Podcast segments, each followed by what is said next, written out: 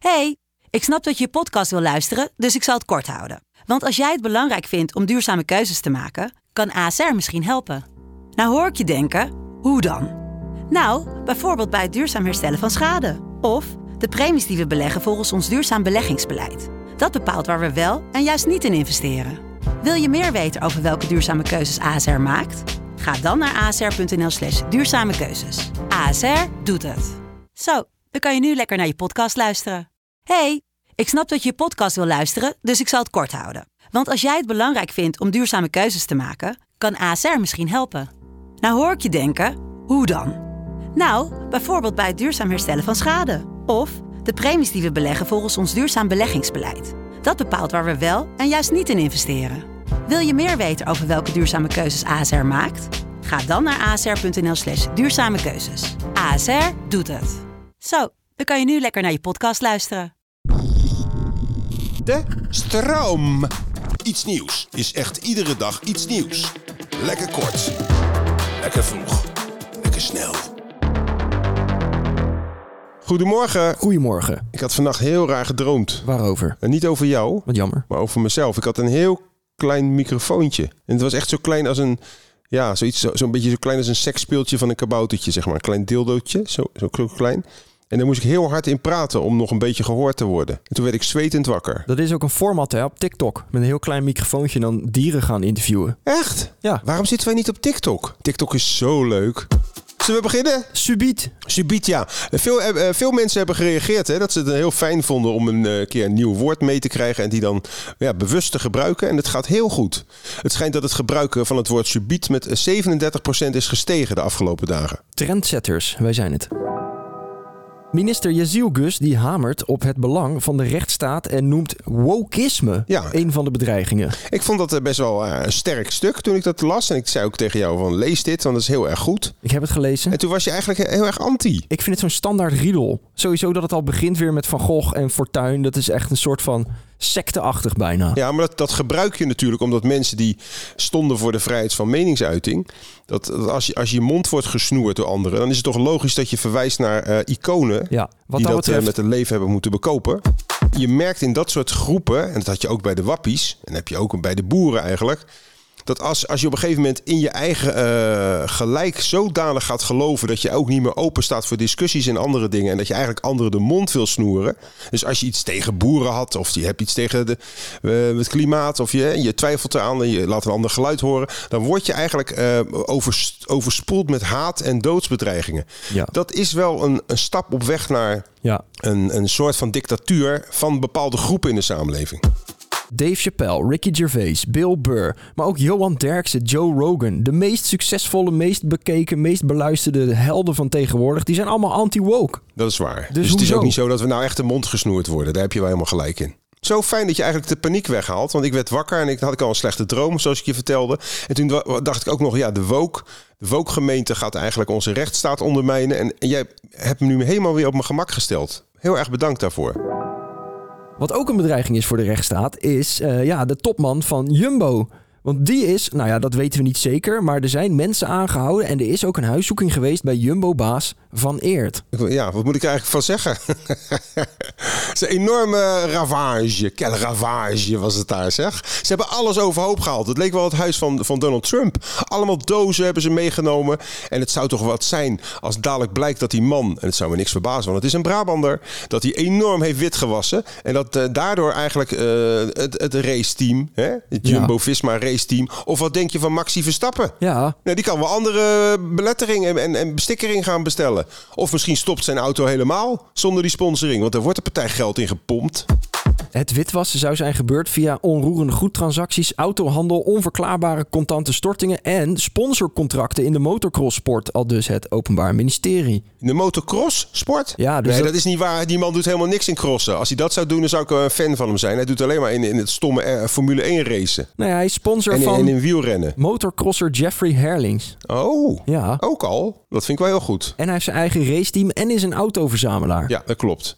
Maar het zijn vaak dat soort gasten die hebben een soort hoogmoed, hè? Ja. Die hebben ook vaak een hele grote kelder met allemaal auto's onder in huis. Wanneer heb je dan genoeg als je zo rijk en machtig bent? Dat je dan ook nog moet gaan witwassen, zodat je weer net iets meer cash overhoudt. Ja, maar luister, als je met bepaalde mensen omgaat, blijf je altijd een kleine player. Snap je? Dus in Nederland is dat een hele grote jongen. Maar gaat hij naar Amerika of gaat hij naar Zuid-Amerika, ja, daar hebben, of naar Rusland, dan hebben mensen weer jachten van eh 200, 300 miljoen. En dan is hij misschien toch weer een kleine jongen. Wat ik nog jou wilde vragen, weet je eigenlijk wat witwassen is en waarom dat zo heet? Nou, het het is toch het zwart geld wa- was je wit. En dan komt het in de echte economie. Ja, maar dat is, ik vind dat toch ook niet leuk als woke, als woke persoon. Dat Nee. dat zwart geld heeft, het wordt wit gewassen, hangt ook een hele negatieve lading om dat witwassen. Ik voel me daar gewoon niet happy bij als, als witte man. Ja, want wat is er mis met zwart geld? Niks. Was geld maar zwart. Heb jij zelf wel eens fraude gepleegd? Eh, ik beroep me nu op mijn zwijgplicht. Lasercommunicatie tussen optische grondstations over 10 kilometer Dit is veel te ingewikkeld voor de gemiddelde Oh. luisteraar. Die is net wakker, René. Kom op. Zeg gewoon het anders. Er is een nieuwe manier gevonden om data te, vers- te verzenden. Ja, ik kwam ook helemaal in mijn journaalstem. Ja, wat is dit weer? Nou, Ik zal het even aan de mensen uitleggen. Kijk, normaal versturen we iets hè, digitaal via een kabel en via, eh, of via de radiobesturing. Hoe noem je dat? De radiofrequentie. Maar die komen steeds voller te zitten. Hè. Je, je kan geen radiofrequentie meer gebruiken. Of 538 zit erop, of eh, de politie, of de brandweer. En nu hebben ze dus bij TNO een, een, een test gedaan via de laser en via satellieten om dan te communiceren. En het is gelukt om in één seconde 1 terabyte aan data te versturen. Dat is hetzelfde als 100.000 series op Netflix in één seconde. Ja, ze is- Pof, downgedood. Gedowngeload. Gedownload. Eh, gedownload. Ze zeiden erbij dat het evenveel was al- als de hoeveelheid van vijf Blu-rays in één seconde. Maar toen dacht ik, maar wie gebruikt er in godsnaam nog Blu-ray? Is dat de porno? Maar weet je wat het ook nog het voordeel is van deze nieuwe lasersatelliet-communicatiemethode? Het gebruikt minder stroom. Het is ook veiliger. Je kan het niet eh, zeg maar hacken. Ja. En Elon Musk zit er ook vol in. Want eh, we krijgen gewoon een, een soort schild van satellieten. Dan kan je ook overal eh, internet, hè, op het vliegtuig, in de bergen, waar dan ook. Dan heb je niet meer die stomme kabels of die versterkers nodig. Gaat allemaal via de satelliet. Ik heb zo'n ja, passie en ik hou zoveel van nieuwe techniek. Ik, ben, ik word er zo hoopvol van als mens. Heb jij dat niet? Ik vind het wel mooi dat wij als Nederland, als klein landje hier kennelijk in voorop lopen. Wij gaan nu weer de wereld veroveren met deze laser-satellietcommunicatie. Hopelijk eh, worden alleen de contracten zodanig afgesloten dat we niet weer eh, de lul zijn dadelijk. Dat wij voor de hele wereld hun lasercommunicatie verzorgen en zelf met de shit blijven zitten, met de stikstof. Precies, zoals altijd. De gasprijs duikt onder de 200 euro. Wat mooi. Geweldig, wat een heerlijke dag is het vandaag. Wat hebben we een positief nieuws allemaal. Woke hoeven we niet bang voor te zijn. Het witwassen stelt ook niet zoveel voor. Het snelle internet krijgen we. En nu hebben we ook nog de gasprijs die onder de 200 euro per, per megawatt komt. Ja, het is echt in een paar weken eh, gegaan. Het stond eerst nog dik boven de 300 en nu dus alweer onder de 200. Als dat het is, zo doorgaat, René, dan moeten die gasbedrijven ons straks betalen om energie bij, bij ze af te nemen. Het is, en dat is ook een mooi oud woord, eh, volatiel. Nee, volatibel. Volatibel? Vo- ja, het is volatibel. Dat betekent bewegelijk. Nee, dat is Als volatiel. jij bijvoorbeeld een, een slappe penis hebt, dan heb je een volatibele penis. Dan is die bewegelijk. Is die hard daarentegen, dan is die wat minder volatibel. Nee, dat, dat is weer fluïde. Nee, eh, wat is het? Flaccide. Fluïde is ook goed. Als je penis woke, fluïde en, en wat zei je net ook alweer? Volatiel. Volatibel is, dan eh, ben je in de aap gelogeerd. Niels en Gino verkopen micro-hoeveelheden van psychedelische truffels. ja, en dat gaat heel goed. Hè? Er zijn een soort jonge ondernemers en eh, ze, balanceren op het randje van legaal. Maar het is legaal, je mag dat verkopen. Ja. Je mag, eh, truffels mag je wel verkopen en die paddenstoelen niet meer. Want daar eh, springen toeristen vanuit het hotelbalkon. Het lijkt inderdaad op, op paddo's, maar dat zijn het niet. En het is dus nog legaal, zolang ze het maar niet... moet ik even goed kijken. Waar stond het nou? Nou, het is nog legaal. Dat weet ik in ieder geval wel.